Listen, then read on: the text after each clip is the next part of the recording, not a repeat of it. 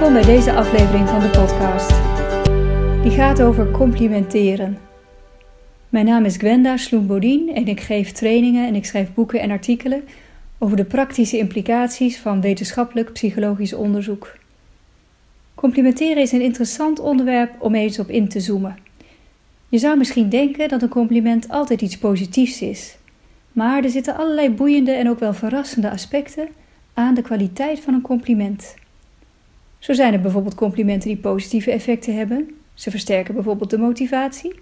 Maar er zijn ook complimenten die juist het zelfvertrouwen bijvoorbeeld ondermijnen of irritatie oproepen. Ik ga op elk van deze dingen in.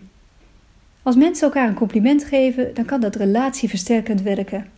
De ene persoon geeft erkenning aan de andere persoon. En die positieve interactie wekt positieve emoties op. Men vindt elkaar aardiger en gaat meer openstaan voor elkaar. Ook kan een compliment informatie geven over wat belangrijk wordt gevonden door de ander. En daardoor gaat de aandacht daar naartoe. En tenslotte kan een compliment informatie geven over iets waarvan de persoon die het compliment kreeg zich helemaal niet zo bewust was, waardoor hij dat effectieve gedrag bewuster ter beschikking krijgt. Maar niet alle complimenten werken even goed. Zo zijn er complimenten die de intrinsieke motivatie ondermijnen de positieve feedback kan namelijk worden ervaren als informatief of als controlling. Als de ontvanger van het compliment de positieve feedback ervaart als informerend, dan blijft zijn autonomie en ervaren competentie intact of wordt die zelfs verhoogd. De persoon ervaart de feedback dan als informatie over zijn goede prestaties of gedrag. Maar als de persoon het compliment de betekenis geeft dat hij zich zo heeft gedragen zoals hij hoort te doen, dan voelt hij externe druk. En dit heeft juist een negatief effect op de perceptie van autonomie en verlaagt de intrinsieke motivatie. Dus in de situatie waarin de positieve feedback wordt gegeven en de ontvanger krijgt het gevoel dat hij wordt beoordeeld of gecontroleerd, dan neemt de intrinsieke motivatie af. Een voorbeeld. Stel dat iemand vanuit interesse een nieuwe vaardigheid aan het leren is, bijvoorbeeld cello spelen. En stel dat de leraar zegt: Ik had je de suggestie gegeven vorige keer om te gaan oefenen met vingerplaatsing? Wil je eens een stukje doen? Dan kan ik even kijken of ik het je de vorige keer goed heb uitgelegd. En als de persoon dan een stukje oefent, zegt de leraar: Ja, je hebt deze vingerplaatsing al goed te pakken, zeg. Prima. We kunnen de volgende stap gaan zetten, want dit kun je al. Dit compliment is informerend en zal de intrinsieke motivatie versterken.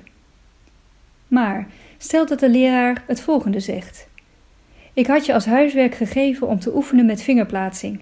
Nou, laat maar eens zien wat je kunt. Succes! En als de leerling zijn oefening heeft gedaan: Ja, je hebt deze vingerplaatsing precies gedaan zoals ik van je wil zien, precies zoals ik van jou had verwacht. Wat denk je dat nu het effect is op de intrinsieke motivatie? Die wordt verlaagd. Want de leerling ervaart dit compliment als controlling, en als je hebt precies gedaan wat ik van je had verwacht en wat je moet doen. En daardoor ontstaat externe druk. Positieve feedback kan dus de intrinsieke motivatie verhogen afhankelijk van de betekenis die de ontvanger van het compliment geeft aan die feedback. Complimenten kunnen soms zelfs het zelfvertrouwen ondermijnen.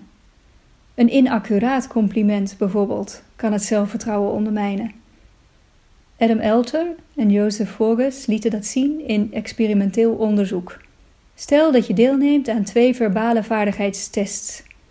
De eerste test bestaat deels uit hele moeilijke en zelfs onoplosbare opgaven. Je hebt dus na afloop het correcte gevoel dat je niet zo goed hebt gepresteerd. Maar stel dat je na afloop van die eerste test te horen krijgt dat je bij de top 4 van beste presteerders behoort en dat je het dus heel goed hebt gedaan. Je krijgt een inaccuraat compliment. Vervolgens maak je een tweede test, maar tussen de eerste en de tweede test mag je even pauzeren. En je mag dan kiezen tussen twee soorten kruidenthee. De ene kruidenthee, zo wordt je verteld, zorgt ervoor dat je alert wordt. En het werkt prestatieversterkend. De andere kruidenthee, zo wordt er gezegd, zorgt ervoor dat je slaperig wordt en werkt prestatie ondermijnend. Je mag ook even een boekje lezen dat niks te maken heeft met de verbale vaardigheidstest die je zo meteen zult gaan doen. Of je mag meedoen met een oefensessie die helpt om je voor te bereiden op de tweede vaardigheidstest. Wat denk je? Welke kruidenthee zul je waarschijnlijk kiezen? En kies je voor het oefenen of kies je voor het zinloze boekje?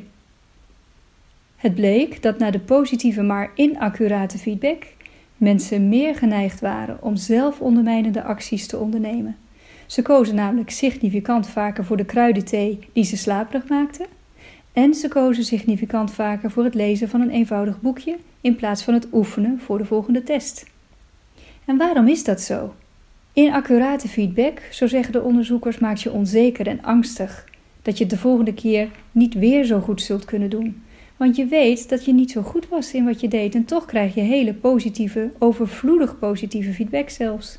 Dus je hebt veel te verliezen en je wijdt de komende, waarschijnlijk slechte, prestatie liever aan factoren buiten jezelf, zoals kruidenthee en een zinloos boek, dan aan jezelf. Onderzoek van Brummelmans laat ook zien dat een compliment het zelfvertrouwen kan ondermijnen.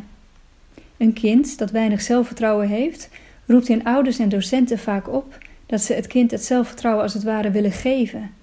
Het kind denkt dat het heel slecht is in iets en de ouder of de docent zegt: Nee, je bent geweldig, je bent echt heel slim, je bent zo'n goede tekenaar, je bent zo kunstzinnig. Met dergelijke complimenten proberen de volwassenen eigenlijk rechtstreeks de onzekerheid van het kind te weerleggen.